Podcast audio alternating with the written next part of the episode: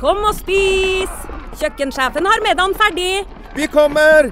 Vi skal bare Åh, det er da så morsomt her på Stiklestad! Ja, men sjøl en god viking må ha både mat og hvile. Og dessuten kan dere nå være noen dager. Velkommen til Scandic Stiklestad. Moderne fasiliteter i historiske omgivelser. Det var her det skjedde. Det er her det skjer.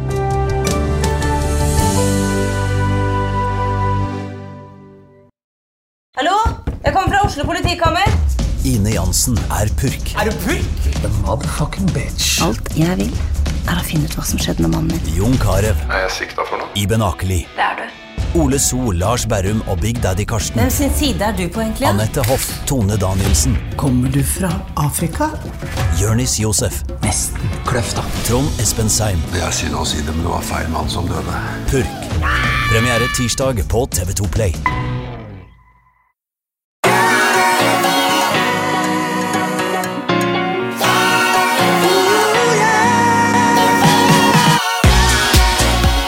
Velkommen til podkasten Hjernesterk. Eh, I dag med gjest Lars-Erik Lund, konserndirektør i eh, Veidekke. Og du er jo ikke gjest, Ole Petter, du er jo fast eh, inventar, eller blir jo da Sidekick. et møbel. du er jo eksperten her. Eh, Jeg har mye spørsmål, du eh, har alltid et eh, svar. Og Lars-Erik, eh, veldig interessant at du kunne komme. Veldig takk for at du kunne komme. Du har vært veldig åpen i det siste. Ja, takk for Ja, det er, det er jeg som skal takke. Jeg syns det er veldig stas å bli invitert. Grunnen til at vi inviterte deg eh, Jeg har jo møtt deg en gang før, så du har jo veldig mange interessante perspektiver. Eh, Du driver jo med, med bl.a. bærekraftansvarlig i, i Veidekke. En Direktør der også da eh, bærekraft og strategi du jobber med der. Mm. Og så eh, er du jo veldig interessert i sykling, har jeg også forstått. Du sykler mye. Det var ikke så vanskelig å se det. Han kommer jo feiende inn her på, på sykkel. Dagens Også- flotteste sykkel. Dagens flotteste. Jeg fikk lyst på ny sykkel, og han sitter jo i sykkeltøy. Bianchi-farga uten at det var Bianchi. Nei, det er ikke helt Bianchi-farge, altså. Det er jo en, det er en litt sånn eh, jeep, grønn jeep-farge som er eh, lakkert eh, på Nøtterøy. Ja, nettopp. Den var i hvert fall tøff, og du er jo da den andre ishockeyspilleren fra Vålerenga som er med i podkasten. Vi hadde jo det, her, må vi, her må vi korrigere. Nei, det var ikke okay. Vålerenga, var det, jeg var det har aldri spilt ishockey. Nei, var det ikke Manglerudets dag? Nei, men jeg har aldri spilt ishockey. Altså, jeg, jeg, jeg har et navn som er likt med en ishockeyspiller. Å, ja. eh, og jeg har, den, denne feilen her er jo flere som har gjort. Altså, jeg har fått telefoner fra eh, Ja, fordi Dag- Dagbladet også. Beklager, er Lars Erik. Lund, hvis du hører. Er det ikke Sjampo Knutsen vi har her? Men, jeg, men jeg har samme navn som en veldig veldig god ishockeyspiller som er nesten Jeg tror han er like gammel som meg også, ett år eldre eller ett år yngre. Og jeg har fått altså, telefoner fra Dagbladet som ja, 'Hvordan gikk kampen i dag, Lars Erik?' Og jeg var sånn 'Hæ? Hvilken kamp er det du snakker om?' Og det, så valgte jeg ikke å si det engang, og så skjønte jeg at dette her var fra Dagbladet som skulle snakke om ishockey. Så jeg sa nei, det gikk vel ganske bra, tror jeg. Men nå sjekker jeg sitter her og ser på et bilde av det, for at jeg tenkte jeg kunne ønske i tillegg til de andre tingene som er det vesentlige i den podkasten her, da, så står det altså Lars Erik Lund, tidligere profesjonell ishockeyback, spiller for Vålerenga. Men så er det også bilde av deg Ja. med teksten.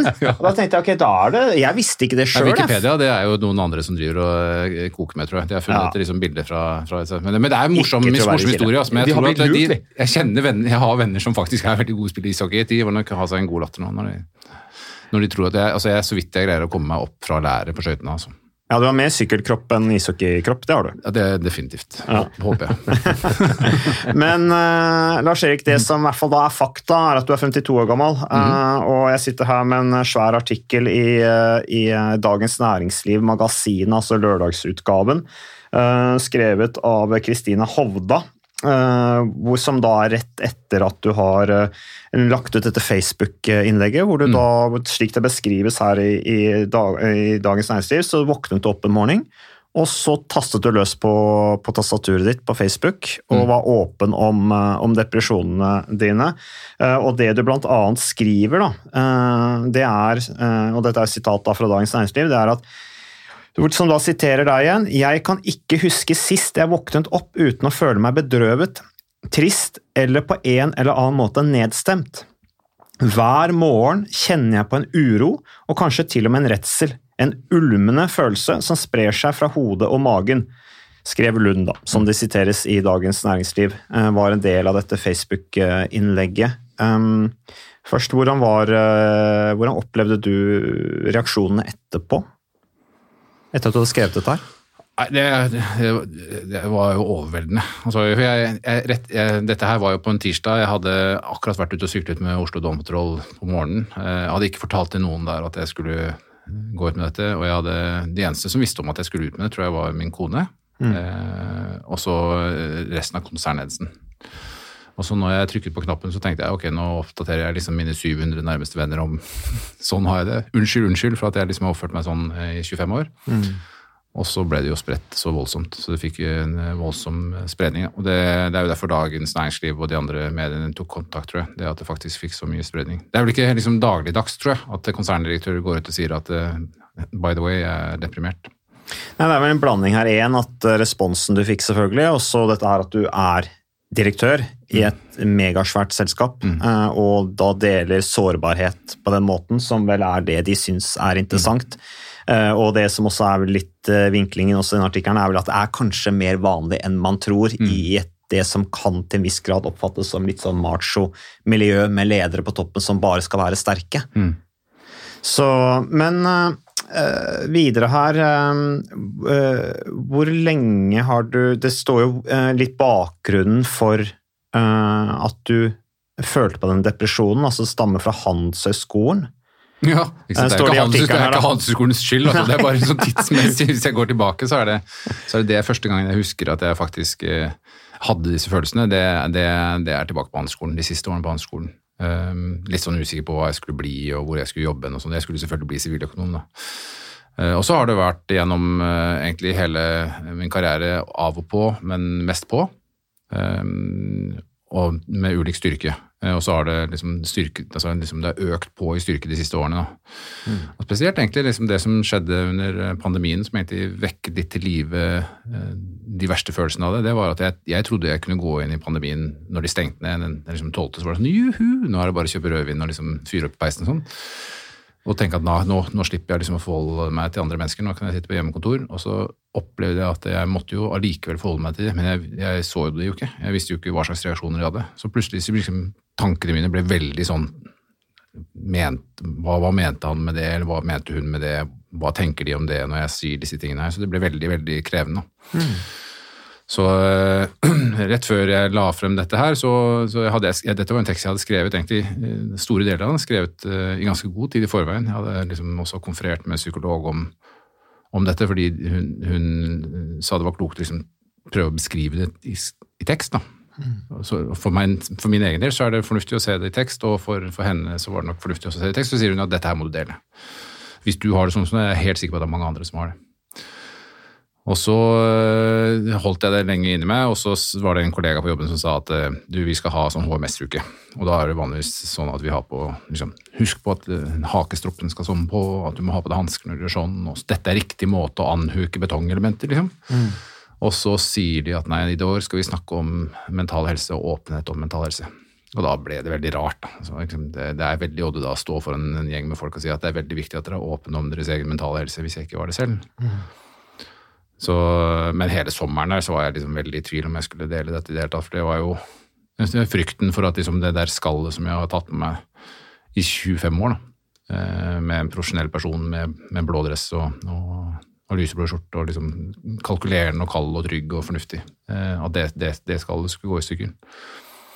Men jeg litt sånn det er litt sånn rart, for at eh, som vi har snakka litt om, Ole Petter, og som jeg snakker med mine nære venner om, at liksom vi sier det sånn, flåste, alle har jo en skrue løs, liksom. Altså, Alle har jo et eller annet de sliter med. Altså, Det er jo ingen som er helt Altså, hva er normal? Det er jo det er et relativt begrep. Altså, Alle har jo sine greier. Og det tenker jeg liksom sånn fra idretten, så for min egen del, altså, alle sleit jo med noe som gjorde at de kanskje ikke presterte så bra, som egentlig hadde noe med det mentale å gjøre. Du var fysisk veldig sterk. og jeg mener, Det er jo, det kan man jo lett ta med seg til, til, til, til hverdagen òg, i jobbrelatert uh, sammenheng. At uh, det å ha noe psykisk, det er jo helt vanlig. Man våkner jo opp dager hvor man er nedstemt og trøtt og sliten og lei og umotivert. Og det kan man sikkert kalle en slags form for depresjon i perioder. Vi har jo snakka en del om det der også, Ole Petter. Ja, vi, vi har snakket masse om dette, og det, altså, dette er jo vanlig, det, det vet vi. Vi tror at det er rundt 150 000 nordmenn som får en depresjonsdiagnose i løpet av et år. Og det er jo bare de vi vet om, for de har jo kommet for å få hjelp og blitt fanget opp på et eller annet vis da, av uh, helsevesenet. Uh, og det er sikkert enda større mørketall, for dette er jo ting som vi ofte ikke snakker om. Og jeg har jo pasienter som har vært ganske dypt deprimert over lang tid, og, og selv ikke nærmeste familie vet om det. Mm. Og det, vi, er- vi er jo en sånn kultur at det er noen ting som, eh, som det er tøff, tøffere å snakke om enn andre ting. Det er jo ingen som er noe redd for å komme på jobben og si at de har ødelagt menisken. Eller har hatt et hjerteinfarkt. Nei, det er snarere liksom nest, å, hjerteinfarkt Ja, er løft, altså, men Men menisken er alltid Menisk er nesten litt sånn prestisje. Ja, ja, ja, Jeg har vært og stått oppint jeg på Ja, ja, Hafjell, og så skal jeg vise junior hvordan man tok eh, et eller annet Ja. triks, og så skada man seg. Kreft snakker vi om. altså Vi snakker om det aller meste når det gjelder helse, Mm. bortsett fra mental helse. Uh, og det, det er veldig synd, og jeg, derfor jeg syns det er så flott Mm. når det er mennesker som står fram, og ekstra viktig kanskje når det er folk som er profilerte og Sterke. synlige. Da, og, ja, og, og, og det er jo faktisk sånn at uh, dette med depresjon For mange så kan det framstå som helt uforklarlig. Ikke sant? Du har en, eh, en person som eh, ja, i næringslivet, som er dyktig, som er i god form. Ikke sant? På en måte Alt er på stell. Eh, og man blir ofte sett på som et sånt super, supermenneske. Men det, er, men det er det jo ingen som er, og da er det kanskje enda tøffere å stå fram, da. Ja, for Lars Erik handler ikke, basert på dine, for det handler ikke veldig mye bare om å lære seg å snakke om det. Altså, altså Særlig med omgivelsene dine. altså Snakke om hvordan man har det. Vil ikke det gjøre det mye lettere å, å være sånn? For spørsmålet er er det mulig å kurere, eller er det bare sånn sånn er jeg, og det må jeg leve med, og da må jeg håndtere det på den måten. Hva tenker du om det? Jeg, jeg, jeg, du finner jo nok ikke så mange Du finner i hvert fall ikke veldig mange som heter Lars-Erik Lund, som har lest mer om depresjon enn enn meg. Det tror jeg, da. Kan, nå skal jeg ta, liksom, men jeg har brukt mye tid på det. Altså, og veldig mye tid på å finne ut liksom, hva er årsaken til at jeg har det sånn som jeg har det. Som, som i seg selv er en liksom, utfordring. At du blir så, du så uh, narsissistisk at du egentlig bare tenker på deg selv. Men jeg, jeg tror jo veldig mye på den tanken om at uh, depresjonen i seg selv er en eller annen form for uh, symptom, da, som kvalme, feber, på noe annet som er en utfordring. Og så eh, tror jeg det er en veldig naturlig reaksjon. Jeg tror det er noe som verden, altså Folk har hatt det i alle tider, så det må jo ha en liksom, naturlig årsak til at man har hatt det sånn. Eh, så det er, liksom, det er sikkert passet inn med biologien og sånne ting. Eh, og så er det sånn, må man, må man nødvendigvis leve med det? Nei, jeg tror ikke det. Jeg tror at man kan helt sikkert få, få både hjelp og behandling enten til å få håndtert symptomene, men aller viktigst tror jeg å få hjelp til hva er det som er altså, den grunnleggende årsaken til hvorfor er det sånn. Um, I de møtene jeg har hatt med psykologer, sånn, så har jeg alltid sagt at nei, jeg har ikke noe lyst til å snakke om barndommen, for den var perfekt. Og da er det med en gang som psykologen aha, en perfekt barndom. Så er det sånn, Fy av meg. la oss- Jeg oss- setter opp en time til, jeg. Et øyeblikk skal vi sette opp en time til, ikke sant? Så er det liksom, for det er, eh, og så blir det en diskusjon om det. Så det er, det er, det er eh, liksom det, du, Min oppfatning er liksom at det, liksom, det er noen sånne automatiske liksom, eh, hva kaller det, synapser som liksom skjer i forhold til tankebaner og følelser som, som går litt skeis. Mm. Det er klart at du som er liksom så trent som det du er, Mats, liksom, du vet jo at det er 10 000 timer som skal til. Så liksom, jeg er sannsynligvis i hvert fall minst 10 000 timer å være deprimert. Så jeg er en av de beste på det. da. Så det gjelder å bryte de mønstrene, og det ser man jo øh, Det er i seg selv ganske krevende. Det, det, er liksom, det krever, for, i min verden, da, noe mer enn bare en mindfulness-app mm. og trening. Men uh, du har jo ikke akkurat vært invalidiserende deprimert, da. Uh, fordi at du har jo tross alt uh, fått til veldig mye. Du er jo en ressurssterk person. Du hadde jo ikke sittet i det som du gjør nå, hvis ikke du har håndtert den depresjonen din veldig bra. Jeg, Eh, jeg tror ikke jeg hadde sittet her hvis jeg ikke hadde vært deprimert. Jeg, altså. Altså, jeg, så jeg tror egentlig at jeg hadde ikke noe hadde, nok, Det er nok også en drivkraft i, i liksom, hvordan man er. Altså hvis du er, eh, er liksom hvis du er sånn som jeg er, da, som jeg alltid er bekymret for hva andre tror om det jeg gjør altså jeg tenker at Noen kommer snart til å avsløre at liksom, han, han her bør aldri hatt en konserndirektørjobb. Nå er det nok sannsynligvis nærmere at de avslører det nå enn enn tidligere. da. Så, så blir det jo sånn at du liksom, for å få det til, så gjør du alt det du kan. Du jobber og jobber, jobber, jobber, jobber, jobber, jobber ikke sant? Så du blir veldig, det blir drevet av den samme liksom, redselen og frykten. Det er det der som kalles imposter syndrome, det. Ja, altså, Eller man iallfall Peder Kjøs snakker ofte ja, ja. om det. Han snakker mye om, om, om, og vi snakket om det tidligere i dag også, at det liksom, det, dette imposter syndrome er et, er, et, er et begrep som ble liksom etablert på slutten av 70-tallet. Og da i første omgang så ble det jo etablert i forhold til liksom kvinner som da hadde rykket opp til en stilling som de liksom, veldig høyt, da, som ikke var vanlig fra før. Liksom, hvordan var det de håndterte det? Og så har man vist at det er liksom akkurat samme liksom, frekvens på impostersyndrom hos menn som det er hos, hos kvinner.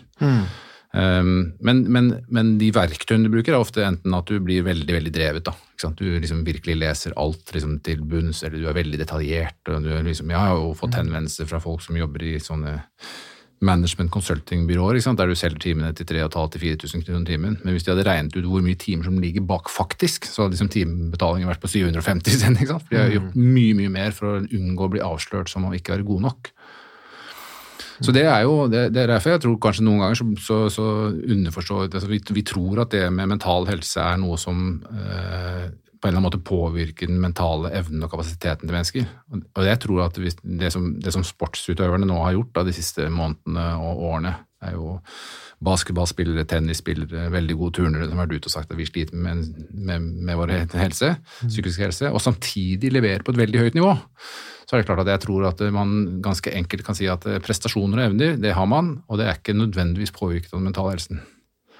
Eh, Men jeg tror det kan bli påvirket av det, og det er ett poeng. Og det er at når du ikke snakker om det, altså når det blir et skambelagt tema, altså når, liksom, når temaet ditt, liksom min depresjon, blir så viktig for meg å skjule at jeg faktisk gjør eh, grep for å unngå at andre ser at jeg gjør det, at jeg har det sånn, da kan det bli problematisk. Og Det er det som er, i min verden, syns jeg er vanskelig med, med psykisk helse og, og stigma rundt det. Det er at eh, det er så mye meninger om det på utsiden, om hvordan det betyr at jeg er.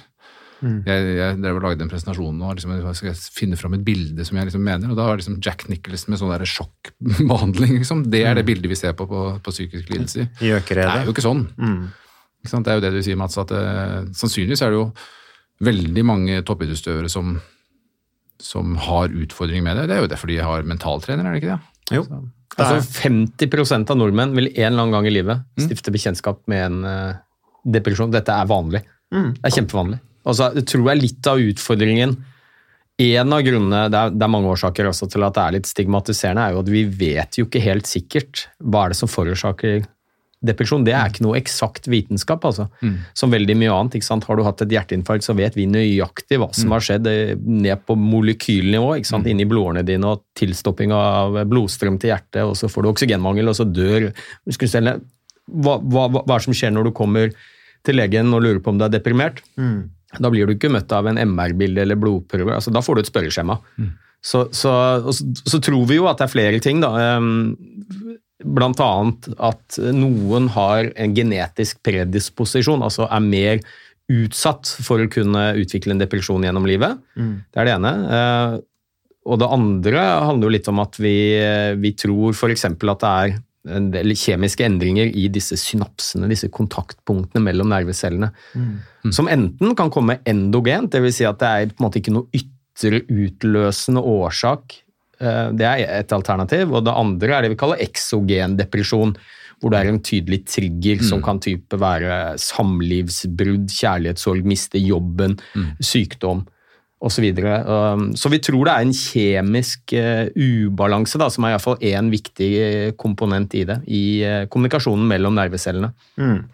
I den artikkelen, for å referere til den igjen, Lars-Erik, så refererer du til denne episoden hvor det var, en, hvor det var altså en revy Mm. på Handelshøyskolen, hvor du leverte veldig bra, fikk masse jubel, og så gikk du ned med en sånn følelse at du lurte liksom på hva folk egentlig tenkte Mm. om prestasjonen din. Um, var det en slags sånn Er det en trigger, eller eh, det som skjedde der, eller var det bare en del av en helhet på, i en fase av livet hvor dette kom snikende innover deg?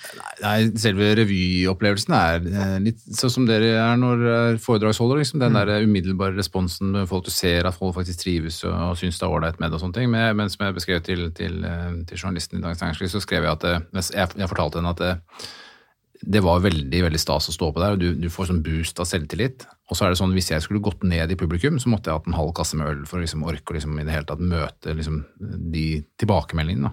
Mm. For jeg er sånn tilbakemeldingsstyrt og veldig sånn hva skal jeg si, eh, bekreftelsesstyrt. da. Um, og den, den umiddelbare bekreftelsen av 700 mennesker i salen, den er bare der. Men når du skal gå én til én, så kan du jo plutselig møte en person som ja, syns kanskje ikke at det nummeret var så bra, og sånne ting. Og da er jo jeg, da er jeg så enkel at jeg kan få ti eh, veldig veldig gode tilbakemeldinger.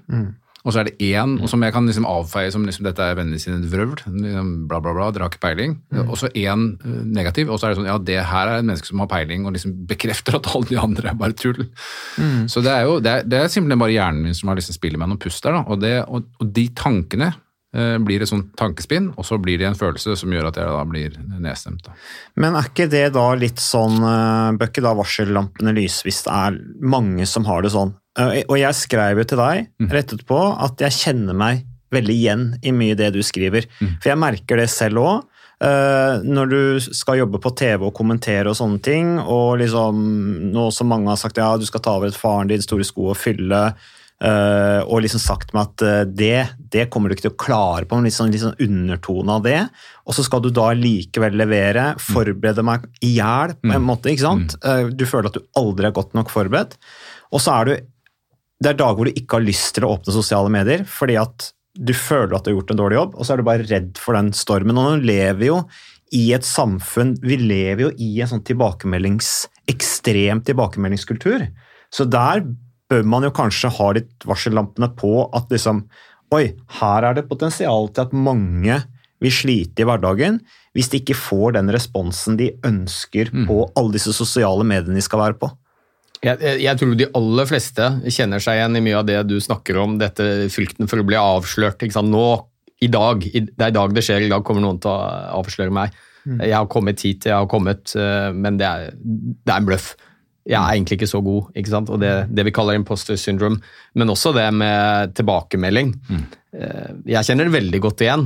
Jeg holdt foredrag for eh, 1000 stykker og får eh, stående applaus, jubel. Sant? Kjempefornøyd når du går av scenen, og så kommer det én person bort til deg, og så er de litt sinte. av den som var litt forbanna på meg fordi jeg ikke hadde nevnt at fysioterapeuter var flinke med dette med fysisk aktivitet. Og jeg merker jo at det der, ene og alene, den ene kommentaren gjorde at jeg var sånn Fader heller, kanskje, kanskje det ikke var så bra, dette her. Så det der negative mentale filteret hvor vi én negativ tilbakemelding slår i hjel 1000 positive, ikke sant. Det er ganske vanlig mekanisme. Men jeg tror det handler litt om hvor mye dette påvirker hverdagen, og hvor mye det stjeler av livskvalitet fra en, da, som, mm. som avgjør om det er Kall det normalt, eller om det begynner å bli problematisk eh, for en selv. da.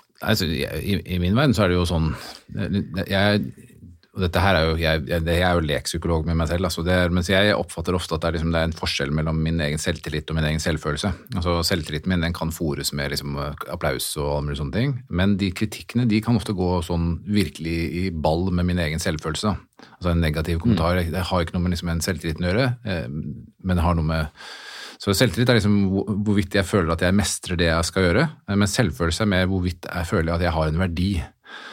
Ehm, så, og, det, og det tar mye lengre tid å jobbe med den der selvfølelsen. selvfølelsen.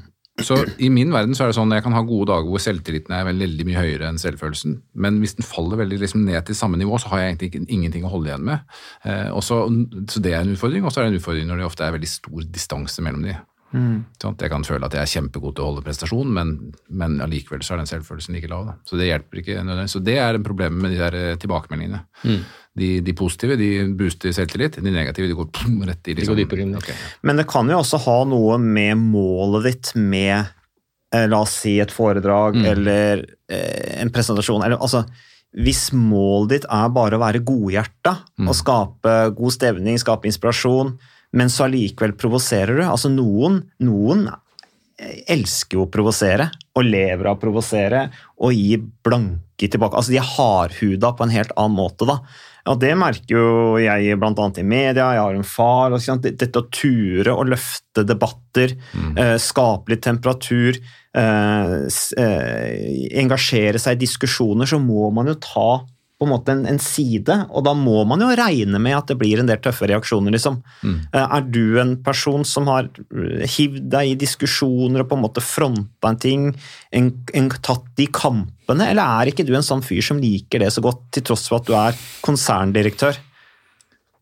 Ja, altså jeg kan nok eh, Jeg, jeg, jeg, jeg vet ikke helt. altså det, det hadde jo vært kjempefint å si at ja, jeg er en mann som liksom står i kampen hele tiden. Jeg gjør nok ikke det. Jeg er ikke, jeg er ikke like liksom standhaftig som, som jeg egentlig burde ha vært. Det er jo en utfordring som liksom i seg selv er tøff. da, Hvis du liksom føler at her fremme er mine verdier og prinsipper, og så liksom holder du litt igjen tilbake. Um, men jeg opplever vel at den organisasjonen jeg jobber i nå i dag, altså Veidekke, de har en veldig stor grad av åpenhet til og muligheter for liksom å løfte det temaet frem som er vanskelig, og allikevel liksom motta konstruktiv kritikk på det. Ikke sånn kritikk som kommer fra hofta at 'jeg likte ikke det du sa'. Nei. Men i større grad kan møtegå og si at ja, men jeg er ikke helt enig med det du sier, men la oss liksom diskutere liksom Og det lever jeg fint med. Eh, så det som, liksom, det som virkelig liksom eh, jeg, jeg, jeg husker fremdeles den dagen Donald Trump ble valgt. Altså jeg husker liksom hvordan det, det, det Hvor hjertet sank liksom helt ned i magen. tenkte at Dette her er slutten på demokratiet. liksom. Nå blir det sånn polariserte diskusjoner der vi bare står og kaster dritt på hverandre. Istedenfor å samles om liksom en, en fornuftig liksom, diskusjon.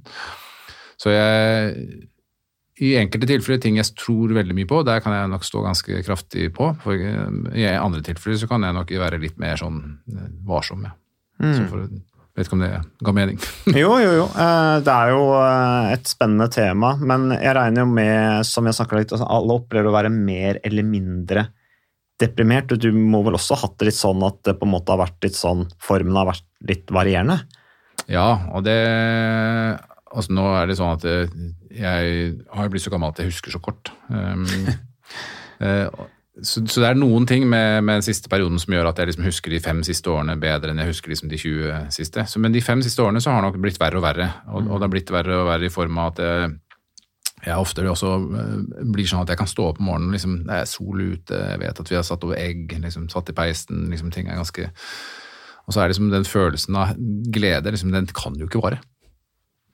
Så på hvilk, Når er det dette her skjer, liksom? Og da er det jo nesten sånn selvoppfyllende profeti at det, det ender veldig fort i at jeg kommer tilbake til eh, situasjonen, at det er, liksom, det er trygt og godt i denne depresjonen. Eh, fordi det er en følelse jeg er vant til, eh, og en følelse jeg liksom kjenner på ofte. Jeg tror at det er, eh, det er en Andrew Solomon har skrevet en bok som jeg tror heter 'Depresjonens demoner', heter den på norsk. Og Der beskriver han en veldig fin måte å beskrive liksom depresjoner på. eller fin, Den er veldig ubehagelig å lese, men han, han og broren hans sitter under et eiketre. Og Så kommer han tilbake og besøker det eiketreet når det har vokst, og så har det liksom kommet noen sånne slyngplanter som har, har sneglet seg rundt. Og så ser han at disse slyngplantene blir sånn Hva er det som begynner, hva er, hva er slyngplantene, hva er eiketreet? Og så, og så til slutt så, så sier han at så kommer han liksom 20 år etterpå, og da er liksom hele denne slyngplanten overtatt av eiketreet. Eiketreet står fremdeles, men det står kun fordi slyngplanten holder oppe. Og etter hvert så blir det sånn, tror jeg for min egen del også, at depresjonen blir sånn Det er det som holder meg i live, liksom. Eh, Så det er jo, det er ikke, det er jo ikke noe pent syn nødvendigvis å være deprimert, og det er jo mange som liksom beskriver det som at ja, men du klarer deg fint, du klarer deg Men jeg, jeg er fremdeles sånn at jeg viser jeg håper å si det jeg vil vise. Eh, Jeg, jeg har jo noen utfordringer med at liksom jeg kan, både for egen familie, jeg kan gå fra å være eh, blid og glad til å bli ganske sint innenfor det, det vanlige folk har seks timer på. Det, det kan jeg bruke halvannet minutt på. ikke sant? Og, det, for, for, for barn og familie så er det tøft å, å ta vare på. det. Men Ole Petter, er det noe med Hva skjer det noe med oss altså fysisk oppi hjernen, med kjemien oppi hodet med alderen, som gjør at vi er mer sårbare når vi kommer til en viss alder, sånn som Lars-Erik har gjort her, passert 50? Jeg må jo bare si det som det er, Lars-Erik. Ja, jeg beklager det. Ja, Det er litt, litt vanskelig å se, eh, si. Vi, vi ser at det er en viss assosiasjon med, med alder, men eh, depresjon er jo virkelig noe som, eh, som kan ramme. Ukas annonsør det er eh, HelloFresh. Og eh, hvis du nå går inn på hellofresh.no og bruker koden 'fresh hjerne', så kan du få opptil 1779 kroner rabatt på da de fem første matkassene dine hvis du ikke har prøvd HelloFresh enda. Og Ole Petter, vi er jo glad i HelloFresh i podkasten Hjernesterk, eh, selvfølgelig fordi at de er en annonsør. De er med og bidrar til å spre det glade ordet om fysisk aktivitet og god helse. Men i tillegg så har jo vi også nå lang erfaring med HelloFresh Fresh selv, så vi må jo si at det har vært gode erfaringer til nå. Ja, absolutt. Visste du, Mats, at HelloFresh det er faktisk verdens ledende matkasseleverandør? Og tilbudene til HelloFresh gjør det enkelt å lage gode og varierte retter som skaper matglede. Og matglede vet du, det er like viktig som hva du putter i munnen. Det å spise mat med folk du trives med. Så gjennom 25 nye og inspirerende retter hver uke så bidrar HelloFresh til dette. Du kan bestille ekstra porsjoner om du får gjester, eller hoppe over uke hvis du f.eks. skal bort. Og Det er ingen bindingstid, og du velger leveringstidspunkt og dag selv, så leverer HelloFresh matkassen din akkurat når det passer deg. Ikke dårlig, Mats. Nei, det er veldig bra. Så, øh, og dette er med enklere hverdag det kan jeg nå skrive under på. For nå, forrige erfaring vi hadde forrige uke, Ole Petter, det syns jeg var, det var jo et gjennombrudd øh, for familien Kaggestad. For da lagde rett og slett barna de lagde middag og serverte middagen, så den var ferdig laget og servert da når eh, min kone Marita og meg kom hjem fra jobb. Og jeg mener Det var jo bare helt utrolig. Eh, Det var helt fantastisk. Det ble en nydelig middag. Riktignok de, de, de, de roter og søler litt, det gjør de. Så, men, men maten ble veldig god. De var veldig stolte over å kunne ha både laget og servert maten, så det var helt fantastisk. Så vi har jo da i det siste så har vi eh, spist eh, bl.a. sitron- og dillstekt hyse med ovnsbakte grønnsaker og aioli. Eh, Vi har spist middelhavsinspirert kylling. Taco, så finnes det mange ulike typer taco. F.eks. vietnamesisk taco, som vi har spist. Thailandsk vegetargryte. Veldig riktig og sunt eh, i dagens eh, samfunn med, med fokus på bærekraft. Hvitløk og chilistekte reker i spagetti, det var definitivt en vinner. Så det er så flott. Du får rimelig mat ved at du kun betaler for det du trenger, så det blir ordentlig feststemning med Hello Fresh. Det gjør det, og nå er det bare for deg å gå inn på hellofresh.no og bruk koden FRESH gjerne. Da får du opptil 1779 kroner rabatt på de første fem matkassene dine, hvis du ikke allerede har prøvd HelloFresh. Du kan også bruke rabattkoden hvis du har stoppet abonnementet ditt for tolv måneder siden eller mer. Er det noe å lure på? Håper maten smaker godt. Bon appétit! alle aldersgrupper. Vi ser bl.a. nå at det er langt mer vanlig blant yngre, helt ned i skolealder. Så, så jeg tror nok ikke alder er en av de viktigste risikofaktorene. Men jeg tror også det er litt viktig å skille mellom, for du sier det at vi kan alle føle oss litt deprimert, og jeg er litt sånn opptatt av hvordan vi bruker ordene. da. Det er klart det er helt menneskelig og helt normalt å være nedstemt, ha mørke tanker osv., som er jo noen av symptomene på en depresjon. Men det som skiller kanskje en klinisk depresjon da, fra et livet, altså normale svingninger i, i, i, humør, det er jo mer varighet og intensitet. Sant? Hvordan det går utover livsfunksjonen din og livskvaliteten din. Men det er jo en glidende overgang. Vi har noen sånne kriterier for hvor lenge det skal ha vart, og hvor intenst det skal være. Men kjennetegnet på de som får den diagnosen depresjon, er nok ofte at det er varig, det skal ha vart en del måneder. Og, og det skal være såpass intensitet i det at det går utover hverdagsfunksjonen din og livskvaliteten din. Mm. For eksempel at man ikke lenger finner glede ved aktiviteter og ting som man tidligere fant glede ved. Og her høres det ut som dette er noe du har hatt med deg lenge. Ja, altså, jeg har hatt det lenge, og så har jeg, det er som du sier, at det er jo ulik grad av intensitet i det. Og så er det jo, det er jo sånn, også sånn at hvis du går ubehandlet med, disse, eh, med depresjoner, så er det også sånn at det er større sannsynlighet for at du får, kan få depressive perioder igjen, og Ja. også få liksom kroniske utfordringer med, med depresjon. Da. Så det er, det er, jeg kjenner ikke heller ikke til om det er noen alders, aldersutfordringer, men det er klart at en av de tingene som kanskje mange opplever, da, det er at når du Det leste jeg her om dagen, så leste jeg om dette med mening. Eh, Vi må jo snart komme inn på sykkel, men, men jeg leste om dette med mening. Og det, at det, det, det å ha mening i livet altså Vi mennesker er visstnok de eneste liksom, som, eh, hva skal vi kalle det, pattedyrene som, som evner å se at vi, har, vi skal dø en eller annen gang. Altså, Hunder og sånn gjør jo ikke det. Det er jo ingen hunder som går rundt og tenker på at jeg har ikke noe mening i livet. Hvorfor skal jeg ligge her, liksom? Men vi gjør jo det. Vi går og tenker på at vi skal jo dø en eller annen gang. Og det betyr at på en eller annen måte så må man finne ut hva er meningen med at jeg skal være her til jeg dør. Altså, hva er liksom forholdet? Og det har man jo undersøkt. Altså I Storbritannia så leste jeg nå at nå har de gjort en undersøkelse på det. De har undersøkt eh, pensjonister i en alder mellom 70 og 80 år og sett eh, hvem av dem som hadde sterk mening med livet og hvem som ikke hadde. Og det viser at de som hadde sterk mening med livet, eh, opplevde en livsmening. De hadde, hadde signifikant lengre levealder. Altså de levde lenger. Ja, og det- er jo kjempeinteressant. Eh, Og det, det ser vi også litt eh, hos en del eldre. Jeg har jobbet som fastlege i 20 år.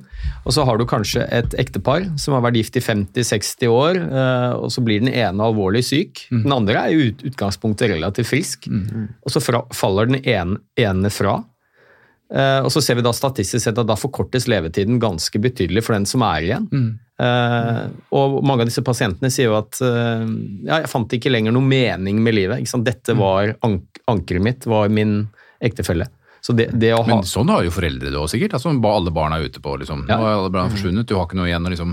Så det er jo, det er jo, og det er derfor jeg liksom er så opptatt av det med jobb. da.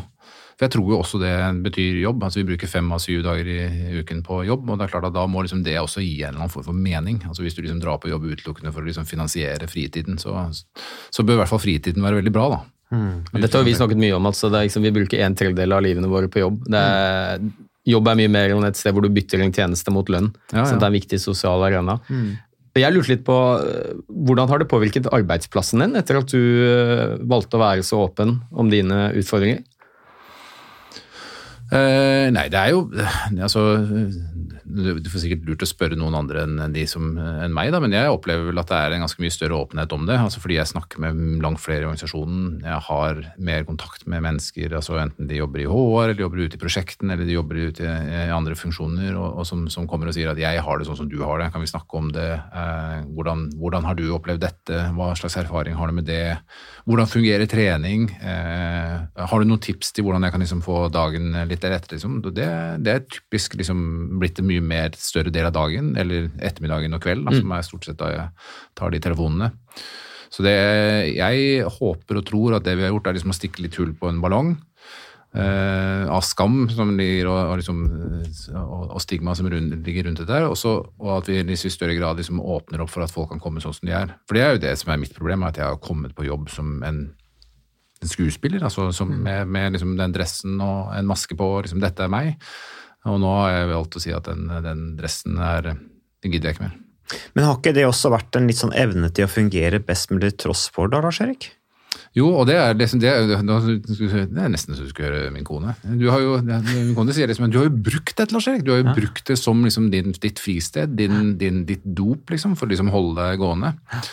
Eh, og det er det vi kan snakke om senere, sikkert, med sykkel. Altså at, at du på en søndag kveld, liksom, når du er stressa, går på jobb fordi du føler at det er liksom, det du mestrer og det du kontrollerer best. Eh, men det betyr jo ikke at det er bra. Nei. Blir du mer, tror du at det har gjort at du har blitt mer sliten? For jeg tenker liksom, Du er konserndirektør og, og gjør det bra. Kan arbeidspresset, arbeidsbelastning, også ha vært en medvirkende faktor til at du har i perioder blitt mer deprimert? Jeg tror nok at stress helt sikkert, altså sånn, sånn øh, over tid, da, liksom, det, det må du Ole Petter, snakke mer om, altså, men, men jeg tror nok at det å, det å hele tiden føle seg liksom, at du er liksom bakpå ting og stressa og sånne ting, kan hjelpe til med at du føler deg mer sliten, at du ikke får den restitusjonen du trenger. Ja, og Og skal prestere så mye. Jo, men det, det er jo liksom det vi snakker Tenk på mye tid vi, dere bruker det som syklister. Liksom, liksom, nå skal vi restituere, liksom, være ordentlig restituert, og så skal jeg liksom eh, prestere. Da. Vi har jo ikke det. Og det er liksom som Anders Mæland sa eh, i en eller annen podkast jeg hørte her om dagen. Anders Mæland, han som nå er mentaltrener eh, for, for eh, oljefondet. Han, han sa vel det at det deles ut altfor få medaljer til hverdagsmennesket. Altså fordi det er, og det er liksom ingen tidspunkt for restitusjon. Det er liksom ikke nok skal du gjøre alt du kan på jobb. Du skal hive deg på sykkelen, sykle hjem, så skal du liksom opptre på jobb, nei, hjemme, og så i tillegg til det så er det lite søvn, og så skal du liksom være sosialt og alt mulig rart. Så da har du ingen steder å, liksom, å, å få, få tatt tempoet ned igjen og få, få tatt deg inn igjen. Da. Kronisk stress og, og, og lite søvn, gjerne den kombinasjonen der, de henger jo ofte litt sammen. Det er definitive risikofaktorer for, for å utvikle depresjon.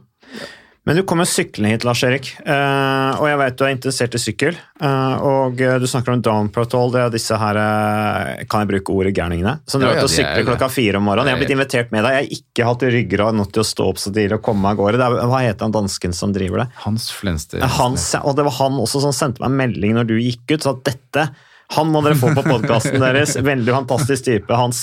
Og så bare lurte jeg på i hvilken grad har fysisk trening, eh, lidenskapen for sykkel, eh, den tre fysiske treninga, hvordan har det vært med å hjelpe deg gjennom depresjonen så langt?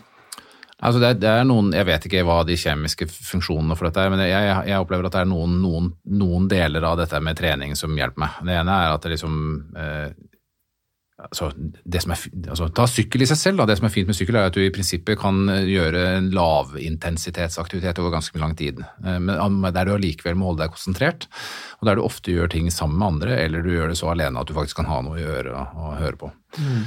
Så det over tid da, i seg selv er sikkert noen sånne fysiske og, kjemiske forklaringer til det, liksom dopamin og endorfiner og sånne ting. Men for meg så har det litt med at, og spesielt det Dawn Patrol, det er å, sta, det å komme seg opp så tidlig liksom, og si at ok, men nå har jeg gjort det. Nå har jeg fått til det. Det med mestring i forhold til liksom å, å, å, si til deg selv at ok, jeg, jeg, bestemmer meg for å gjøre det, og gjør det, det er liksom Og, det, og det, det, går på alt, tror jeg. Altså, det går på de minste ting. Jeg hørte en tale fra en sånn Navy Seal general som sa det at er liksom make your bed every morning. Liksom, start med det. Da kan du i hvert fall, når du går og legger deg, se at ok, jeg i hvert fall fikk til det, da. Ja. Eh, så det er én ting. Og så er den andre ting er liksom dette med å skape seg selv noen rutiner. Eh, og det, det, tror jeg er viktig. Altså det å, hvis jeg skal gi noen tips til noen andre, det er, det er å få seg noen rutiner. Jeg, jeg, velger å finne ut alt det jeg kan gjøre som jeg slipper å gjøre et valg på. Altså, -hmm. Jeg orker ikke å gå i kjøleskapet og lete etter hva jeg lurer på hva jeg skal til frokost. Nei. Så det er liksom, ok, det er havregrøt. og det er, jeg, jeg, orker ikke å diskutere om skal jeg stå opp senere i helgene. Det gidder jeg heller ikke. Så det er liksom samme da, tidspunkt hele tiden. Mm. Uh, klær som jeg skal på jobb, jeg tar de som henger i skapet på, på jobben. Det er det som er liksom, så det, det, er liksom å redusere antall sånne valg hvor jeg er sånn Å, burde jeg gjort det, burde jeg gjort det? Og det Oslo Dompro blir sånn at det, enten så gjør du det, og da gjør du det. Eh, så det å liksom da sette seg ned og si nei, du, kanskje, kanskje ikke det Men Da skjønner jeg at du ikke er så glad i å dra ut og handle. For da må du jo drive med det òg. Altså, det høres ut som du så mange, tar så mange beslutninger i løpet av dagen, eller at du har så mye å tenke på over at du ikke orker å ta, engasjere deg altfor mye i sånne små valg.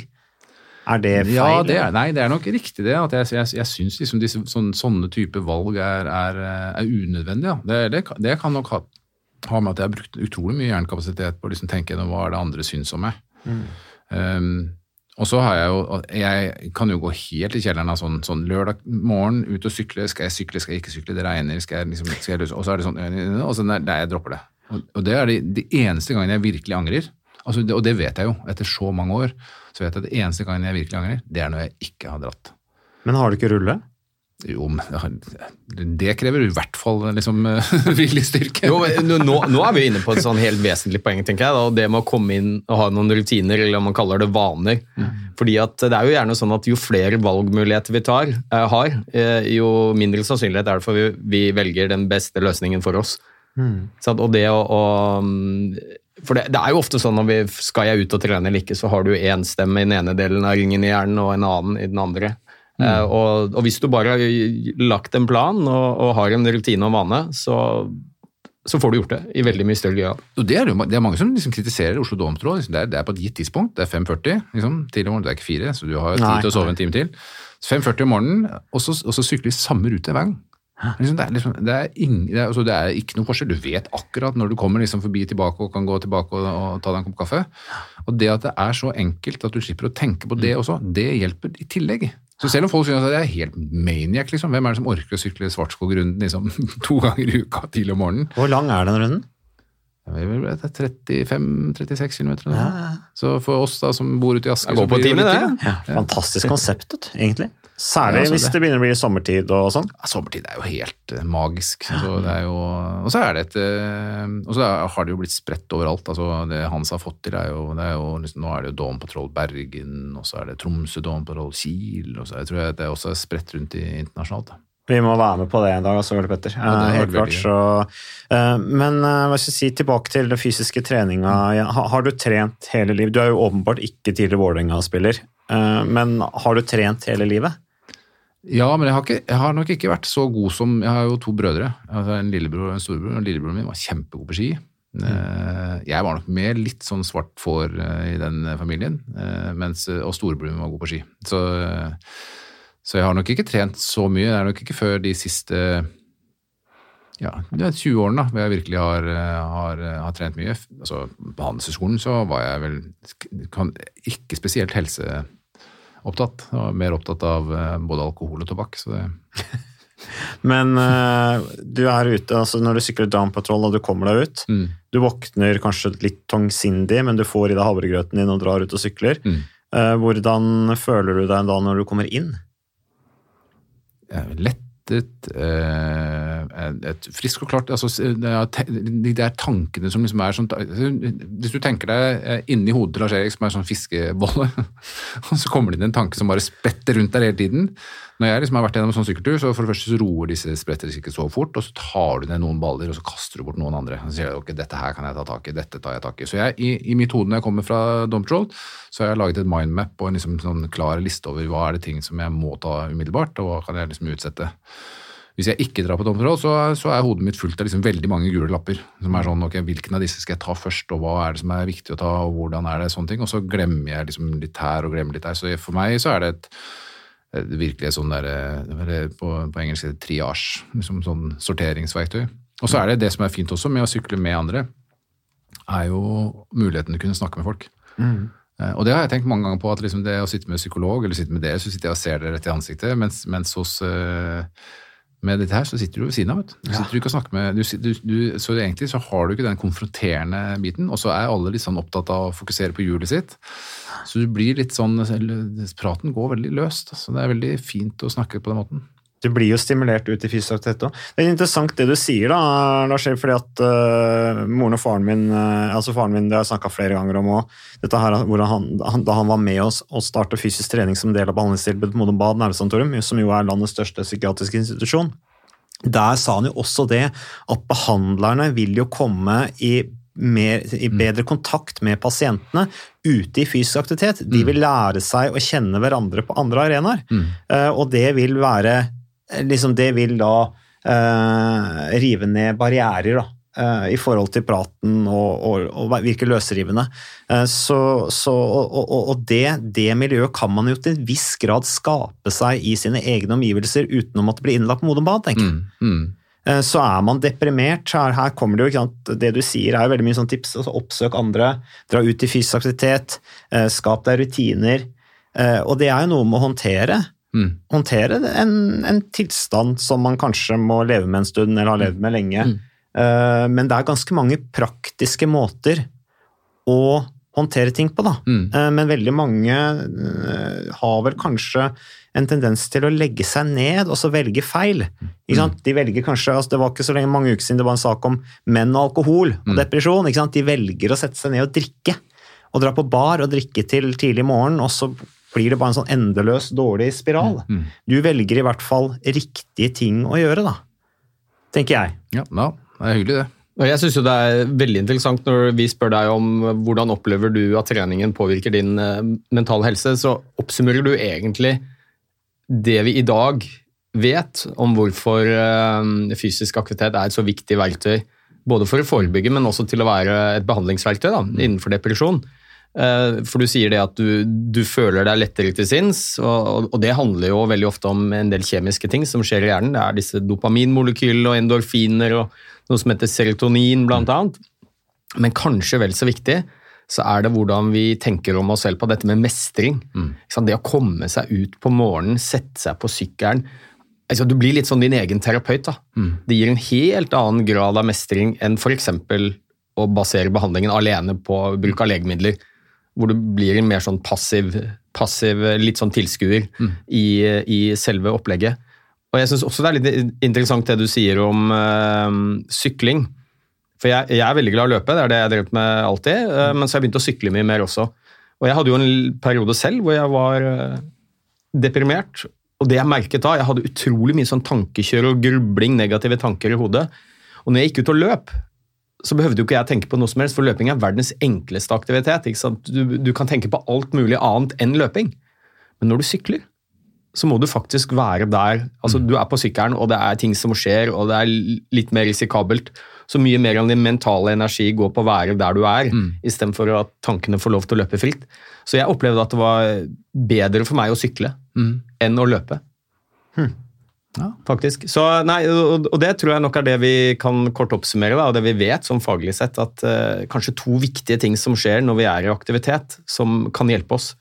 Det er ikke noe garanti for at du ikke blir deprimert, eller plagd, uh, problemene dine blir ikke borte om du trener, men det gjør noe med måten vi tenker om oss selv på. Skaper mestring. Og så er det en del av disse kjemiske tingene som skjer Men du må ikke opp klokka fire om morgenen for å sykle, altså. altså det må, jeg tenker at vi må ikke gi et tips til folk at alle, skal, alle som er deprimert, skal opp fire. Nei, og, og det tror jeg kanskje ville gjort flere dep deprimerte. Eh, og det, der tror jeg nok det er en veldig Der er det en utrolig stor forskjell på folk. Ja. Ikke sant? Eh, Jeg har jo pasienter som er deprimerte og sier bare det tanken om å komme seg til postkassa ikke sant? Mm. eh, er for tung, og det er klart da skal du ikke anbefale at de skal stå opp halv fem eller halv seks og sykle en lang tur. Men, men det er jo også noe med det at eh, jo dårligere vær det er, jo tøffere det er å, å komme seg ut, jo større gevinst gjør det jo faktisk få gjort det. da. Mm. Så det er vel litt sånn, Jeg merker jo det sjøl også, de gangene man eh, trosser eh, flere elementer og kanskje har sovet litt dårlig, men så står man opp klokken syv og tar seg en løpetur, eller drar ut i den sykkelturen selv om det er kaldt og pissende regn. Så gir det en ekstra ge gevinst, da. Men eh, du er jo opplagt en ganske utadvendt person, da. I hvert fall fremstår du som Altså når du reiser på Dawn Patrol, selv om du sier at du var glad når pandemien kom og du slapp å forholde deg til så mange mennesker og sånne ting så du, Nå vet ikke jeg hvem du kjente på Dawn Patrol i utgangspunktet som gjorde at du dro dit, men hvis du bare var interessert, hørte om det miljøet og dro dit, og der er det veldig mye forskjellige mennesker. Eh, rockemusikere og alt mulig rart som sykler sammen. så, så, så er jo det noe med at du er jo da interessert i å oppsøke andre miljøer og treffe andre folk, og det er jo i seg selv veldig stimulerende. Da må jo du være ganske sånn interessert som person, tenker jeg, og det er jo et godt utgangspunkt det også for å takle sine egne problemer. Det er nok litt dagsform, altså. Så det er liksom eh, i dag hvor jeg har veldig Altså, jeg kjenner godt på at liksom jeg nå ser liksom lyst ut, og jeg liksom føler meg bra og sånne ting, så kan jeg være veldig, veldig imøtekommende. Og i perioder hvor jeg er ordentlig tung, så er jeg ikke spesielt imøtekommende i det hele tatt. Så da kan det nok være eh, at jeg sitter ganske stille bakerst i balen da, i, i bussen, liksom, og venter. Så det er, eh, så det er litt forskjell. Eh, Det at jeg det er nok, eh, og, og enkelte ganger så kan det være veldig enkelt å bare si at nei, jeg bare gjør dette for meg selv, altså, så jeg slipper jeg liksom å forholde meg til andre. Men, mm. men jeg, jeg føler at akkurat dette med Don Patrol, det å komme seg ut eh, på det tidspunktet, og, og det at jeg gjør det ferdig før jeg liksom kommer meg på jobb, eh, nei, det, er, det, det er en veldig, veldig fin, eh, fin aktivitet. Altså. Og så er det en veldig altså, det er liksom ikke reklame og, og, eller sånn 'nå skal vi trene', 'nå skal vi kjøre hardt', 'nå skal vi gjøre Det er veldig fritt, da, eh, i form av at man, man gjør det som en sånn eh, både en sosial aktivitet og det å være i, i, i bevegelse. Så jeg syns det kan bare anbefales. Vi skal snart avslutte her nå, men uh, bare sikkert et dumt spørsmål, men, uh, men hvor hadde du vært, tror du, hvis du ikke hadde uh, vært fysisk aktiv? ikke brukt treningen som et sånt frirom?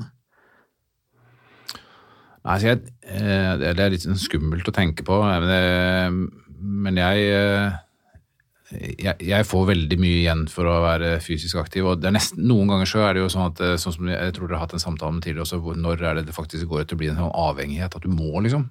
Jeg, er nok, jeg vipper jo der innimellom. Altså sånn eh, at jeg kan starte en morgen hvor jeg liksom ikke har fått trent, så er det hva- hvordan skal jeg få til dette nå? Som ikke nødvendigvis er en rasjonell eh, følelse. Jeg tror at hvis jeg ikke hadde trent i det hele tatt, så, eh, så tror jeg det hadde vært mye dårligere enn det jeg er nå. Og jeg hadde nok i mye større grad liksom valgt å, å gjøre jobben til mitt, mitt anker og min, liksom, der jeg liksom skulle mestre å jobbe. Nå hadde jeg jobba 20 timer i døgnet istedenfor sånn som jeg gjør nå. Da. Så det er nok eh, også helt sikkert ikke nødvendigvis veldig sunt eh, liv heller. Jeg hadde nok valgt å liksom også eh, både spise annerledes og, og drikke annerledes og, og leve litt annerledes. Altså det er jo klart at det å, det å være så aktiv på sykkel som jeg er, eh, selv om jeg blir jo aldri en proffsyklist, dessverre, eh, så er det allikevel slik at eh, du vil jo gjerne liksom i hvert fall ikke leve på en sånn måte at du blir dårligere på sykkel. liksom. Så du er liksom litt keen på å liksom holde deg litt i liksom, å spise fornuftig og legge seg i tide og ha på Whoop-armbåndet for å sjekke at jeg liksom er ordentlig restituert om morgenen og sånn. Det er jo helt håpløst, men allikevel, det er, eh, for meg så er det, gir det litt sånn mening. da. Jo, men Det er jo også litt fint, for det, det ser vi jo hos veldig mange at en, eh, hvis du gjør noen endringer i livet ditt, f.eks. bli mer fysisk aktiv, så vil det for veldig mange falle naturlig å kanskje spise litt sunnere også, Det- sove litt mer. Ja. Ikke sant? Det blir sånn litt mer fokus på helse. Kan jeg spørre deg om, Har du fått noe annen type hjelp eller behandling? Jeg skjønner jo at du hjelp. har brukt trening, du snakket om psykolog. Ja, ja. Jeg får hjelp på psykolog og, og både jeg håper å si, privat, altså Mm. i form av eh, ting jeg som tar, tar valg om selv, og så har jeg også eh, i Veidekke så har vi jo en sånn fin løsning der vi får et gitt antall timer hos en, en, en rådgiver.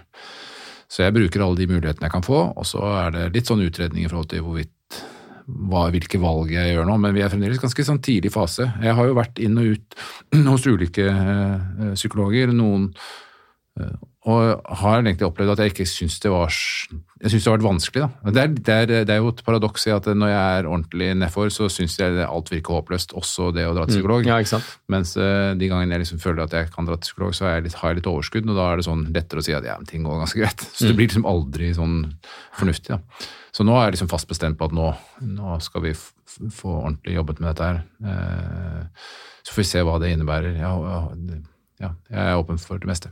Mm, ja, nei, for det var jo som kona di ble sitert på her i, tilbake til denne Dagens Næringsliv-artikkelen at Hva har hun skrevet? Eh, at ja, dette her er jo da noe vi skal leve med Jo, men vi har jo levd med dette i over 20 år.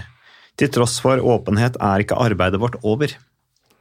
Og det Nei. er jo da tilbake til fungerer best mulig til tross for, da. Ja, ikke sant. Det er jo, det er jo, det er jo kanskje det forskjellen på det jeg har gjort og det mange andre har gjort når det gjelder åpenhet. Da. Det er jo at de har vært åpne om noe som har skjedd, og så er de liksom ferdig med det, og så er det greit liksom å snakke om det, og så er de liksom tilbake i normalgjengen. Jeg er live, jeg håper å si. eh, Det er jo Lars Eriks depresjon minutt for minutt. Jeg er jo midt i dette her. Um, og kommer helt sikkert til å jobbe med det fremover. Og så er jeg liksom fast bestemt på at jeg skal være så åpen jeg kan. da. Eh, også fordi at jeg tror at det hjelper andre, og det hjelper meg. Det er jo noe som også heter at det en sånn arbeid med, med egen, eh, egen utfordring, at det kan være lett å liksom bli sånn, som jeg sa i stad, litt sånn narsissistisk og liksom selvsentrert, navlebeskuende. Det å se at andre faktisk eh, får hjelp av det, det at jeg selv kan gå på jobb og tenke at hvordan skal jeg gjøre at mine kollegaer eller mine familiemedlemmer har en bedre dag, det tror jeg også er noe jeg jobber med, da. og det hjelper. Altså det er random act of kindness, som det heter. Mm.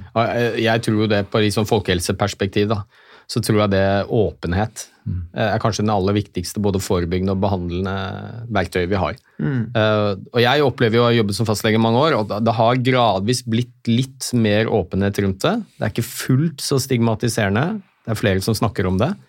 Og, og jeg tror blant annet eh, Det startet litt med at det er eh, en del eh, ja, kjente og um, ressurssterke folk som står fram. Startet med Kjell Magne Bondevik, tidligere statsminister, som sto fram. Og det var det ingen politikere som hadde snakket om tidligere. Det var helt tabu. tabu. Så, så det har en veldig signaleffekt, så jeg syns det er utrolig flott av du og andre gjør det. Kan jeg få si én ting? Ja, til? selvfølgelig, du kan. Altså fordi jeg- det, det, det, og det mener jeg at det er en vridning som vi må alle sammen få til. Da. Det er jo at Til nå så har vi vært ganske flinke til å, liksom, å, å behandle mennesker som kommer med mentale lidelser på jobb.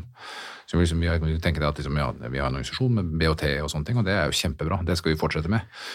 Men jeg er jo på en, på en liksom quest. Jeg er jo opptatt av at jeg syns at bedrifter skal bli arnesteder for god mental helse. Altså Hvordan skal vi sikre at arbeidsplassene som vi nå skaper i fremtiden, faktisk er slik at når folk går hjem klokka fire eller halv fem, faktisk er i bedre humør, har mindre eh, mentale lidelser enn det de hadde når de gikk inn. Og det er liksom en sånn, og den, Hvis vi kan få samtalen over på det, så tror jeg vi kan snakke Mats, senere også om i forhold til hvordan, hvordan skal vi få til fysisk aktivitet, hvordan skal vi få til at folk faktisk holder seg i form og, og bidrar på jobb, og hvordan skal vi sørge for at arbeidsplassene er, er åpne nok til at de kan romme alt. da. Bli Romme alt. stimulert på arbeidsplassen. Ja. Mm, Ja, og og- det er jo ikke alle som har det lett hjemme privat heller. Nei, nei. Og da er det jo kanskje enda viktigere å bli stimulert på arbeidsplassen. Nettopp.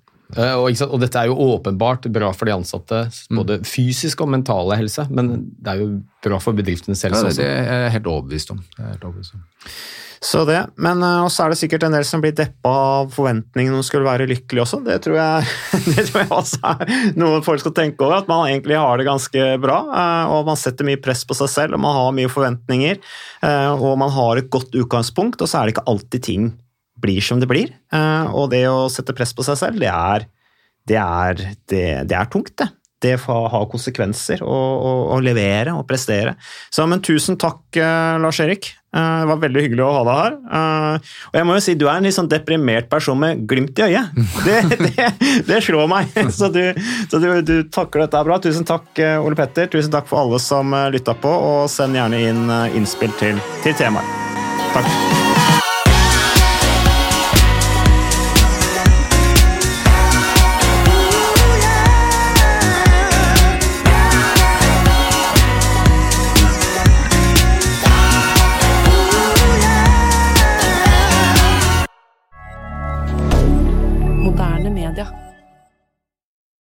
Har du et enkeltpersonforetak eller en liten bedrift? Da er du sikkert lei av å høre meg snakke om hvor enkelt det er med kvitteringer og bilag i fiken, så vi eh, gir oss her, vi. Fordi vi liker enkelt. Fiken superenkelt regnskap.